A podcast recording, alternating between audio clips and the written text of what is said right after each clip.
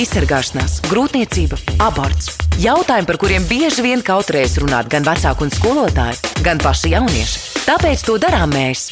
EHR studijā viesojas Marta Sondore, vecmāte un papardas ziedas nodarbību vadītāja, kā arī jaunieši Nikola, Sintīna, Ričards un Teodors. Pirmo reizi skaties EHR YouTube kanālā vai EHR FM sadaļā podkāstu. Raidījumu finansē Mēdīļu atbalsta fonds no Latvijas valsts budžeta līdzekļiem. Par raidījumu pirmā reize satura atbild EHR.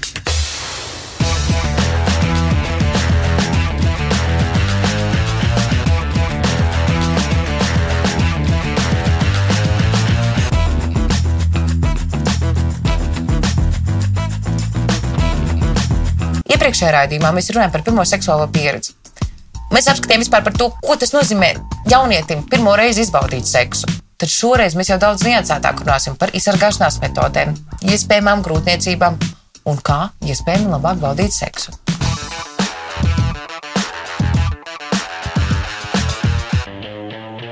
Šodien pie mums ciemos EHR studijā viesojas Marta Sondore, vecmāte, nodarbību vadītāja speciālists no Papardas ziedu. Sveika! Sveika!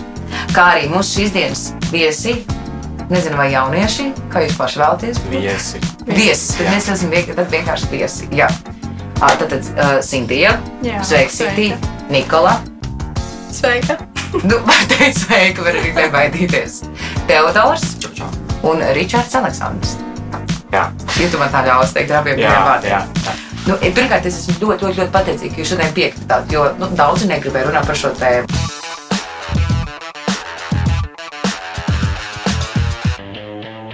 Skolas laikā par kontracepciju un grūtniecībām tādām lietām daudz nestāstīja. Tik cik ā, bioloģiski stundā par to pieminēja. Man personīgi ļoti paveicās tas, ka man ar mammu visu bērnību ļoti brīvi es varēju ar viņu runāt par šīm tēmām. Bieži vien braucām uz laukiem un runājām par seksu un kontracepciju un visu pārējo. Um, tas varbūt ir iemesls, kāpēc es kā savu karjeru vēlāk izvēlējos vecmātes. un Man ļoti, ļoti patīk šī tēma par kontracepciju un seksuāli transmisīvām infekcijām.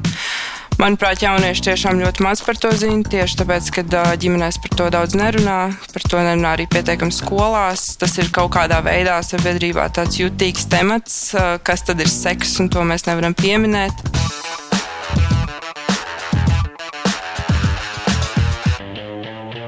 Cik daudz un dažādi mums ir to izsargāšanās veidu?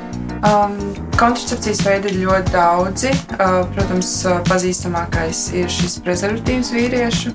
Uh, ir arī sieviešu prezervatīvi, par ko, manuprāt, diezgan maz cilvēku zina. Ir diezgan grūti viņu arī atrast, kurās konkrēti pie tās var nopirkt. Uh, visas šīs hormonālās kontracepcijas tabletes, uh, hormonālie maksas riņķi, uh, hormonālās spirāles, varas spirāles, ir arī implanti, ko ievieto šeit rokā. Um, Un tad vēl, protams, ir vēl visādas diafragmas, ko var ievietot makstī, spermicīdi, kas ir tā tāds krēms, ko ievieto makstī, un tad arī viņi izdara, padara tādu nelabvēlīgu vidi spermatozīdiem. Tā kā opcijas ir ļoti daudz un dažādas. Tas viss ir sievietēm izmantot prezervatīvus. tātad- Jā, jā, protams, tad ir vēl arī ķirurģiskās, vei- ķirurģiskās metodas, kas ir šī sterilizācija. Vīriešiem tā ir vasektomija, kas ir atgriezeniska procedūra. To var veikt un pēc pāris gadiem atgriezt atpakaļ, kā bija. Un, um, fertilitāte nemainās, viss ir kārtībā. Bet jā, pārsvarā lielākā daļa, ko nosauc, ir sieviešu, izņemot šie prezervatīvi un vasektomija. Cik daudz jūs no tām zinājāt? Ļoti maz. Kāds četrs varbūt. Tas jau ir daudz īstenībā. No, Tas jau ir daudz. Jā. ir arī tie paši četri. Tad jautājums, kā jums vienkārši jums tiešām kā pašiem šķiet, ja skolā vairāk stāstīt tieši par izsargāšanās metodēm un dažādām kontracepcijas metodēm, kā jums šķiet, vai, piemēram, tā iespējamība, ka, kad STS mums pieķers tātad seksuāli transmisīvās slimības, vai šī pati nevēlamā negaidītā grūtniecība, tas mazinātos? Noteikti.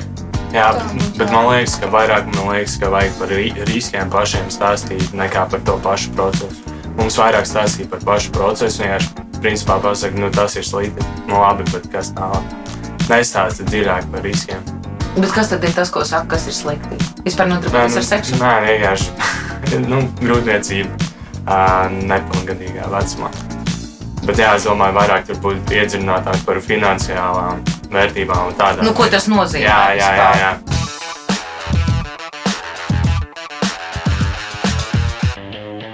Par seksu un vispārējo es uzzināju tikai sākot ar vecākiem, precīzāk ar mammu.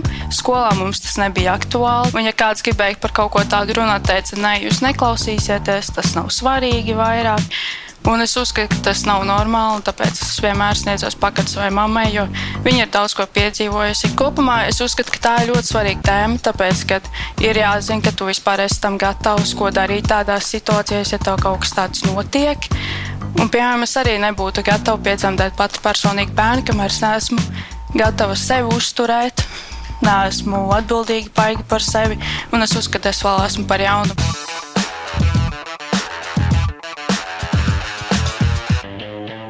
Mums ir konkrēts priekšmets, cilvēku un sabiedrību drošība. Piemēram, mēs jau esam izgājuši, bet mums bija pavisam citi skolotāji. Šis puisis arī Ričards iet ar mums vienā klasē. Nevis klasē, bet Skolā. skolā. Un viņam arī ir cits skolotājs, bet tur stāsta divas dažādas lietas. Piemēram, mums arī kaut ko bišķiņ, bišķiņ pasniedz par to. Viņam vispār pateica to, ka uh, sieviete vienu reizi mēnesī tikai var palikt stāvoklī, vienu dienu mēnesī. Nu, un tas, es domāju, ka ir diezgan aplams fakts.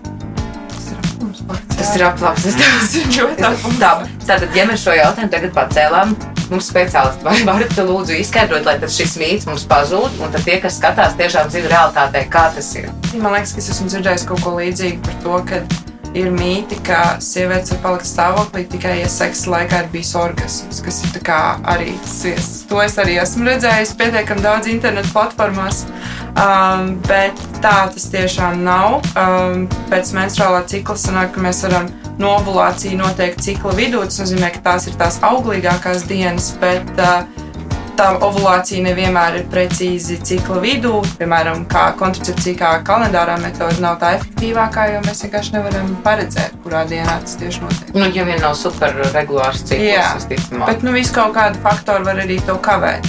Visādi stresi un vispārējais. kā To nekad nevar zināt. Un tā tiešām nav. Tad, tad ir jautājums, kas tad ir šī viena īpašā diena mēnesī. Kā Tātad nu, mēs esam saskārušies ar vienu tādu diezgan vaiprātīgu mītu. Varbūt mēs varētu iziet cauri tagad visiem šiem mītiem, lai tiem, kas mūs skatās, vismaz kaut kāda zināšanas par to, tiek kāds ir pareizi. Uh, tad uzreiz jautājums, kas ir kaut kas varbūt, ko jūs esat dzirdējis, tādas aplamas, varbūt ne aplamas lietas, bet vienkārši par to, kurās dienās tad var vai nevar palikt stāvoklī. Ir kaut kas vēl dzirdēts. Nē. Kā ir ar mēnešu reizēm, vai tāda ir iespēja palikt vai nav? Um, ir iespēja palikt ļoti, ļoti minimāla, bet tā uh, iespēja pastāv. Es teiktu, ka nekad nevar zināt, kad tas var notikt, un ir jābūt vienkārši gatavam.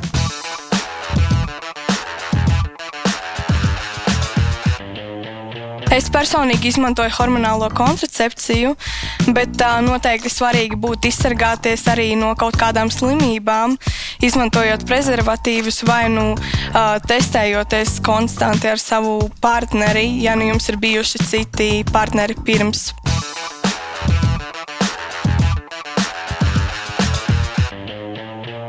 Kas būtu tā kontracepcijas metode, ko ieteikt lietot tieši jauniešiem? Um, nu es personīgi ieteiktu prezervatīvus, jo tā ir metode, kur uh, mums nevajag nekādu recepti no ārsta. Mums nevajag iet konsultēties ar nevienu. Mēs varam aiziet vienkārši uz aptieku vai tuvāko benzīna tanku nopirkt. Uh, protams, tā arī ir uh, samaksa. Tie maksā nu, paciņi ar 3, manuprāt, ir kaut kādi 3 eiro. Um, bet es ieteiktu jauniešiem to, uh, jo, manuprāt, jauniešiem nav tā, ka šodien sāk nodarboties ar seksu un to dara ilgstoši, regulāri. Nu, vienīgi, ja, piemēram, ir attiecībās ilgstoši, tad gan un tiek nodarbo, nodarbojas ar seksu pietiekami regulāri. Tad es ieteiktu meitenēm aiziet pie ginekologa, atrast sev piemērotāko kontracepcijas metodi. Tā varētu būt uh, hormonālās tabletes, vai arī es ieteiktu uh, šos maksas riņķus, kas arī ir ļoti efektīvi. Kas jau nemeklē, līdz ar to nekādā veidā nekādas komplikācijas Jā, neizsaka. nu, protams, ir šie box efekti. Ir uh, sievietes, kurām uh, nedaudz samazinās libido, kas nozīmē nevēlas uh, seksu. Ir sievietes, kuras paliek uh, skumjas un uh, mainās garstāvokļi. Bet es, es pieļauju, ka uh, es domāju, prezervatīva un šīs hormonālās tabletes ir uh, efektīvākais jauniešiem.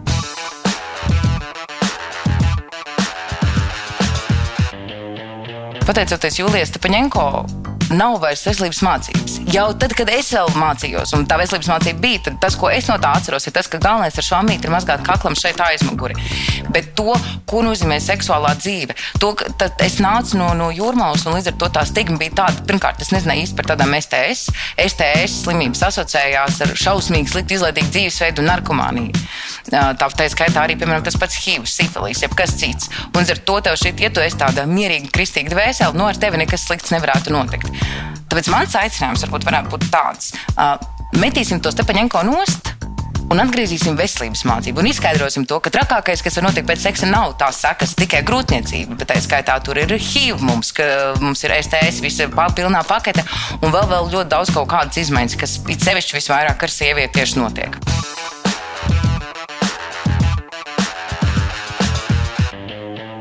Protams, ja jau mums nerunā īsti par seksu skolās, tad jau mums arī nerunā par seksuāli transmisīvām slimībām. Un tās ir tās sakas, kuras to arī Ričards minēja par to, kas ne tikai notiek ar grūtniecību, bet vispār kas notiek. Cik, vai vispār cik daudz jūs par to zināt? Nē, nekas tūlīt nebūs. nē, nē, nē. Par slimībām mums daudz vairāk detalizēti. Par to stāst Jā, tieši. tieši par. HIV, AIDS un visām tādām slimībām to stāsta, bet par vienkārši vienīgais apgalvojums ir vienkārši izsargājieties no tā, ka vienkārši nenodarbojieties ar seksu. Līdz ar to, nu, ja tā ir vienīgā atbilde, kā mēs varam zināt, kas vēl pastāv papildus visam.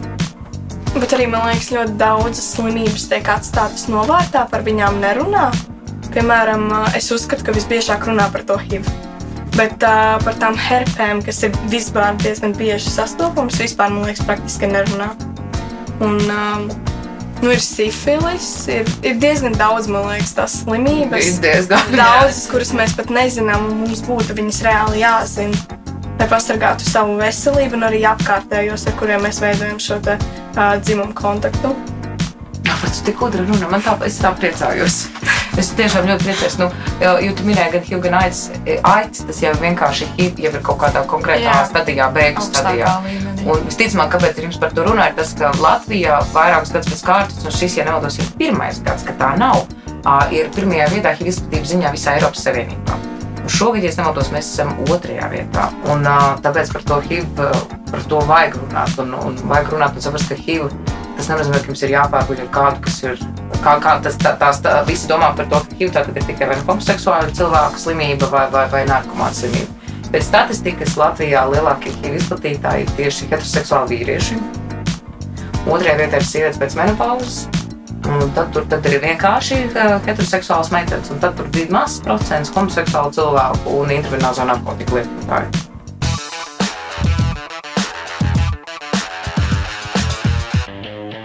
Man personīgā pieredze ar kontracepciju. Es viņu lietoju, bet arī nelietoju. Tas ir atkarīgs no tā, kāds ir mans partneris, kādi ir apstākļi, vai tas ir situācijas gadījums, vai tas nav situācijas gadījums. Man vecāki nekad nestāstīja par kontracepciju. Man nebija tas sekstolka ar vecākiem. Es vienkārši pats kaut kā no interneta, no draugiem visu to pats iemācījos. Un vroģi izglītots esmu. Visu zinu, visu pārzinu, visu kā ir. Zinu par plānu B tabletēm.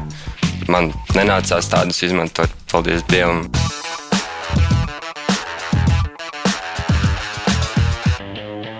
Ļoti bieži pirmā, tās pirmās seksuālās pieredzes, nu, viņas notiek, viņas citreiz notiek neieplānojot. Nu, tas nav nevienmēr visiem ir tā, ka, oh, es zinu, šovakar es to darīšu. Tas notiek šajās pašās ballītēs. Un tad arī, piemēram, jautājums par tām kontracepcijas metodēm vīrieši vienkārši nāsā jūsu jaunieši. Vai nāsā vienkārši līdz tās tos pašus prezervatīvus. Es vairs nenesāju. Nu, tas, es, es šo visu jautāju vienkārši tāpēc, lai saprastu, kas tad ir tas, kas mums tur patiesībā notiek. Tad es arī varbūt pajautāšu tev, Mārta, nu, tā statistika, piemēram, kad, kad ierodas papardziedā meitenes, kas ir nepilngadīgas. Un ir, ir palikušas ballīši vai pirmais reizēs stāvoklī. Tāds, tas, tas, ir liels procents. Man mammai draudzene ir sociālais darbinieks tieši Rīgas dzemdībām. Un uh, esmu dzirdējusi, ka tur ir pietiekami augsts skaits ar uh, nepilngadīgām grūtniecēm. Un tā ir uh, nu, problēma vai problēma, bet tā ir tāda ļoti aktuāla tēma, šī kontracepcija. Ka kontracepcija vienkārši netiek lietota. Jā, jo nezinu daudz ko. Jo, piemēram, es varu pieminēt par iepriekšējo tēmu, kur runājām par šīm seksuāli transmisijām infekcijām. manuprāt, jauniešiem ir tas risks arī augstāks, tāpēc, ka daudz jauniešu nezina, ka ar visām šīm seksuāli transmisijām infekcijām var inficēties arī orālā un anālā seksa laikā. Un tas ir arī iemesls, kāpēc prezervatīviem ir garšīgas un smaržīgas, tāpēc, ka viņas plāno izmantot orālā seksa laikā. Bet ļoti, ļoti daudz cilvēku pat neiedomājas to darīt, un ļoti daudz cilvēku arī to nedara. Tāpēc man liekas, arī viņi ir lielākā riska grupā. Jūs tik izglītoti iziet no šejienes. Viss nevajadzēs vairs veselības mācību šeit, viss būs, viss būs noticis. Un tas, nu, citu jautājums, vai par, par to pat atkal par ārstu apmeklējumu skolā jums stāsta, ka vajadzētu iet gan pie urologa, gan pie ginekologa. Tas ir teikts, kā vienkārši, ka vajag aiziet. Tas pats Redz, meitenēm saka, Nu, es pati arī esmu gājusi pirmo reizi, tagad es gaidu savu nākošo reizi. Nu, tā vajadzētu ik pa gadam vismaz vienu reizīti. Šo cilvēku arī dzenu, bet nu, īsti nesanāk dabūt vispārīgi pie ārstiem, jo vīriešiem, arī kā manam tētim, ir smagāk iet pie ārstiem. Tas ir kā pretrunas uzreiz. Bet, bet, tas, bet kas ir interesanti, es uzdevu šo jautājumu, un meitenes uzreiz, jā, būs tā, vispār ne. Tad skolā, piemēram, par urologu un to, ka puišiem vajadzētu aiziet un pārbaudīties, vispār nesaka. Nē, kaut kur pamatskolā vienreiz bija tēma. Jā. Man arī bija pamatskolā. Un vairs nereizi. Man skolā visa tā seksuālā apmācība bija kā prezervatīva uzvilkt un viss. Tā kā Tik bēdīgi. Mums pat tas Uz nebija. banāna vilka, tas ir interesanti. Uz banāna, jā. Atceros, kādā krāsā tas prezervatīvs bija violets.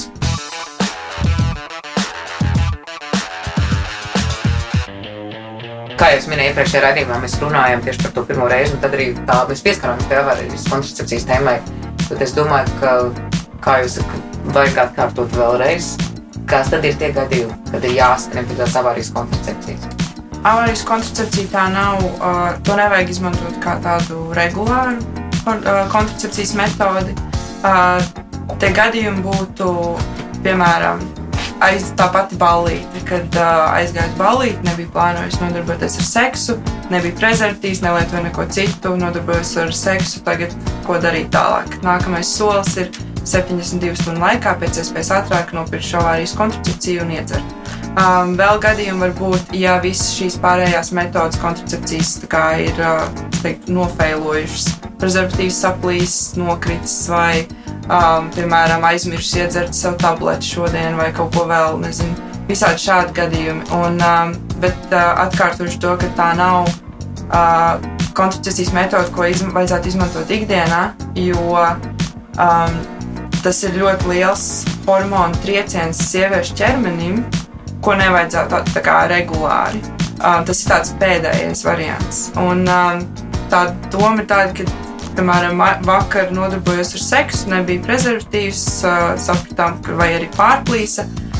Principā vai nu uzreiz vajadzētu nopirkt un lietot, vai arī nākamajā rītā. Tas lokus ir 72 stundas. Bet no jo ātrāk, jo ātrāk, jo labāk. Tāpēc, kad uh, varbūt jau kaut kādā brīdī jau ir notikuši šī apaugļošanās, un uh, atkal minēšu, ir iespēja, ka tas nenostrādās. Um, un pēc tam, tas, uh, pēc tam, kad izmanto šo kontracepcijas metodi, uh, nu, tiek imitēta mēneša asiņošana, bet tāda stiprāka. Un varbūt arī pāris dienas. Un pēc tam vajadzētu aiziet vēl pie ginekologa, pārbaudīties, vajadzētu pavērot, vai šīs menstruācijas pēc tam kavējas vai nē, vai ir kaut kādi simptomi. Jo, kā jau saku, kā, tā arī nav simtprocentīga metode. Um, palikt stāvoklī ir iespēja, bet uh, jā, tas ir tāds reāli pēdējais, pēdējais variants, ko vajadzētu izmantot uh, un pēc iespējas ātrāk. Tiešām es arī esmu lietojis. Mm, Nu, man Nevar. bija tā, ka tas mēnesis ir divas reizes. Jo, nu, Mēnesī divas reizes. jā, jo tāpēc, ka viena, Tā, Ričard, ko tu tur dari? ne, viena reize tā sanāca. Divas reizes! Jā, un man pēkšņi parādījās tādas kā blakus parādības. Kā piemēram, man arī bija tā stiprākā asiņošana. Un uh, es biju sākus uztraukties, meklēju internetā. Viņam es neko nesaku par to, vecākiem nesaku. un Jo tas bija mans jautājums, vai tu teici mammai, piemēram. Jā, jo es, piemēram, nedalī, nedalījos tādu informāciju, un tad es vienkārši mammai pateicu, zinu, kā labāk es aiziešu pie ginekologa kā pirmā reize. Un uh, tad mēs aizgājām.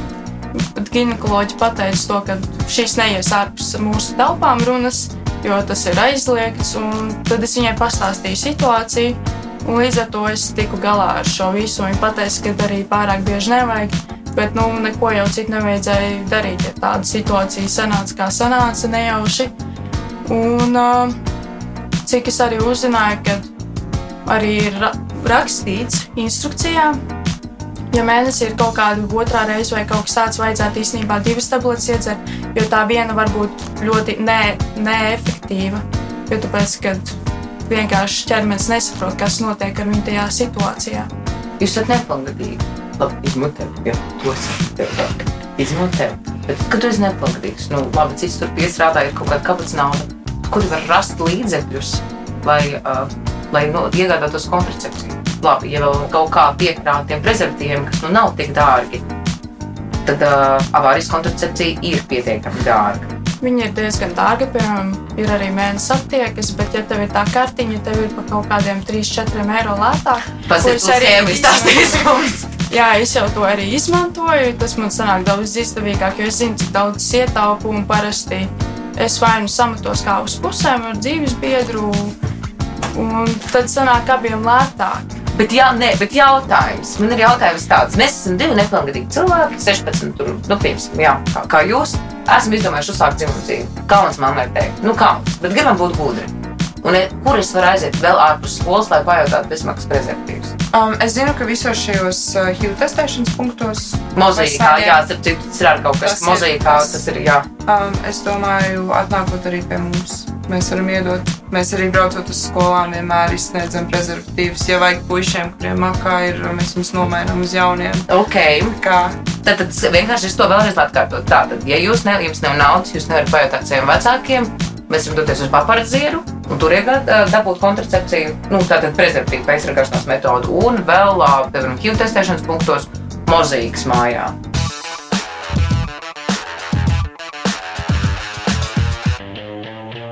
Kā man saprast, ka ir iestājusies grūtniecība? Pirmais ir tas, ka novēro, ka kavēs menstruācijas. Ir tīpaši bet nevienmēr. Jā, tas nevienmēr, nevienmēr notiek. Nevienmēr, bet tas ir tāds viens, uh, ko var pamanīt. Ja, piemēram, meitenei ir ļoti, ļoti regulārs un precīzs cikls, tad viņas parasti pamanā to.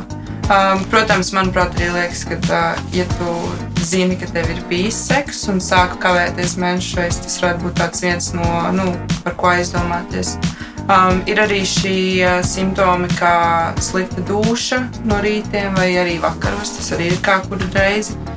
Um, un, protams, ir arī tas, ka uh, krūtis var palikt sāpīgākas un tādas cietākas nedaudz. Man personīgi es varu no savas pieredzes pastāstīt. Uh, kad es biju vidusskolā un man bija ilgstošas attiecības, um, man bija arī man ir, uh, uh, nu, problemātisks vestibulārais aparāts. Tas nozīmē, ka braucot trolēļbusos, es pārsvarā vemju. Un uh, braucot uz skolu, es katru rītu jutos tā, ka es izvemšos. Tā arī notika. Tad es sāku aizdomāties par to, ka man ir bijis seks. Tajā laikā es lietoju tikai prezervatīvus. Un, uh, un es reāli uztraucos, un es arī mammai neteicu, man bija kauns. Um, atceros, ka es, uh, man bija arī kauns pirkt grūtniecības testu, bet es izdomāju, ka tas būs drošākais, ko es varu izdarīt. Un uh, es nopirku grūtniecības testu, un viņi uztaisīja lielveikalu toaletē, tāpēc ka man bija ļoti liels kauns to darīt mājās un skolā vai vēl kaut kur. Un es atceros, ka es mammai Man liekas, mammai pateicu tikai tad, kad man mēnešos kavējās divus mēnešus, uztaisīju jau trīs testus un vienkārši nesapratu, kas notiek. Un man arī bija ļoti bail, man mamma ļoti humora. Viņa pateica, nu, tev, tev krūt... drīkst jautāt, vai tas tev bija pozitīvs? Nē, viņš bija negatīvs. Man tā kā, tu, tu visi bijuši negatīvi, bet tas stress iekšēji, tas, ka, jo man mamma arī teica, ka ai, tā, nu, tie testi jau arī var būt kā nu, viltus pozitīvi vai viltus negatīvi. Un man mamma vienmēr piemin to, ka viņai vecākā māsa, nu, vidējā māsa piedzima, uh, viņa palika stāvoklī, bet viņai grūtniecības tests, nu, principā bija gan negatīvs. Bija ļoti plāvstrība. Un tad pēc tā dzirdot, es atceros, ka es ar to grūtniecības testu staigāju visu dienu pa skolu ar viņu somā. Un pēc katras stundas es ļoti ielīdu stūrī un skatījos, viņš ir negatīvs, ok, jā, viņš ir negatīvs. Jo tas ir ļoti, ļoti bailīgi. Nu, ja tas tā ir sanācis, nu, tad tas tests uh, Olimpijā ir pozitīvs. Vai ir iespējams uztaisīt abortu vecākiem, nezinot, ja tu esi nepavadīgs? Pēc 16 gadiem. Aha! Jā, jo pēc Tā, 16 šī to gadiem, pēc uzmanīgi. 16 gadiem uh, var iet uh, pie jebkura ārsta bez vecāka. Un. Aha. var arī sarunāt tātad, uh, šo ginekoloģisko konsultāciju un izrunāt to visu. Ja ir grūtniecība iestājusies līdz 16 gadiem, piemēram, tajos pašos 13, 14 gados, um, tad ir vajadzīgs rakstiska viena vecāka piekrišana. Vai gadījumā, ja uh, starp vecākiem ir iz, uh, izveidojies strīds, nevar īsti saprast, vai nu, ne tikai vecākiem ir jāizpild. nu, Kā, um, ja ir izveidojies strīds un nevar kā nezinu, ko darīt, tad tiek iesaistīta bārīties. Bet, uh, pieņemsim, pēc 16 atkal jautājums. Nu, aborts, nu, tie nav 5 eiro, tie nav 10, tie nav Nē. 50, tas pat nav 100 Tas ir eiro. dārgi. Tas ir diezgan dārgi. Man ir 16 gadi, es esmu stāvoklī. Es nevaru mammai pateikt, es nevaru pateikt tētim. Vai man iespējams to izdarīt bez maksas? Kā Latvijā personai? nē. Mums Latvijā viss aborts, viss ir fajn Jā, tas ir, tas ir tiešām ļoti skumji. Visi, visi aborti, nu, tas ir visām sievietēm maksas pakalpojums, tāpat kā tāpat kontracepcija. Un mēs ar papardziedas, kā mēs ļoti, ļoti ceram uz to, ka ar laiku vismaz jauniešiem līdz 25 gadiem varētu būt bezmaksas šī uh, kontracepcija un arī uh, kaut kādas vismaz bezmaksas vai vismaz kaut kādas atlaides.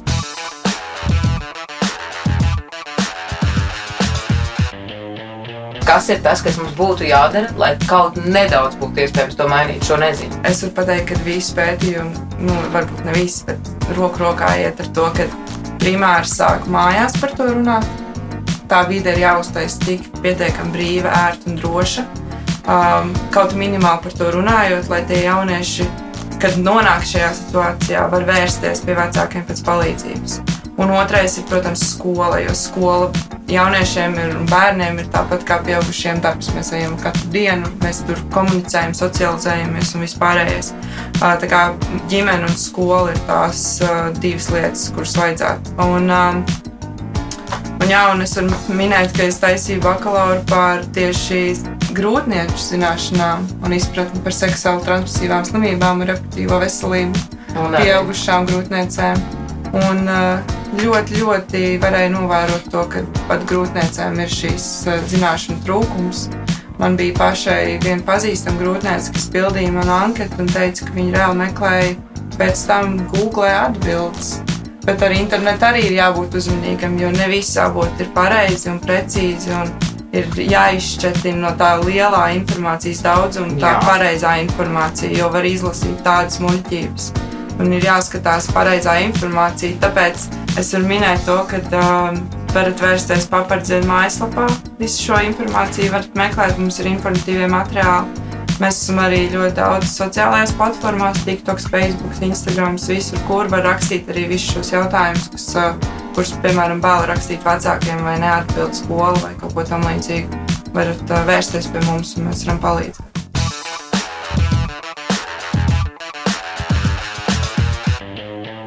Šodien pie mums EHR studijā viesojās Marta Sondore, kas ir vecmāte, mūsu eksperta un nodarbību vadītāja papartas ziedā, kā arī mūsu brīnišķīgie viesi Nikola, Sintīna, Ričards un Teodors. Piesako mums Instagram, TikTokā, YouTube, Facebookā, noteikti vēl daudz kur citur. Es neesmu pārāk labi sociālajos tīklos. Bet galvenokārt, de answer, skauju un skaties mūsu, tāpēc, ka mēs stāstām tiešām super sakarīgas lietas, un tu tapsi gudrāks, noskatoties mūsu raidījumu. Čau!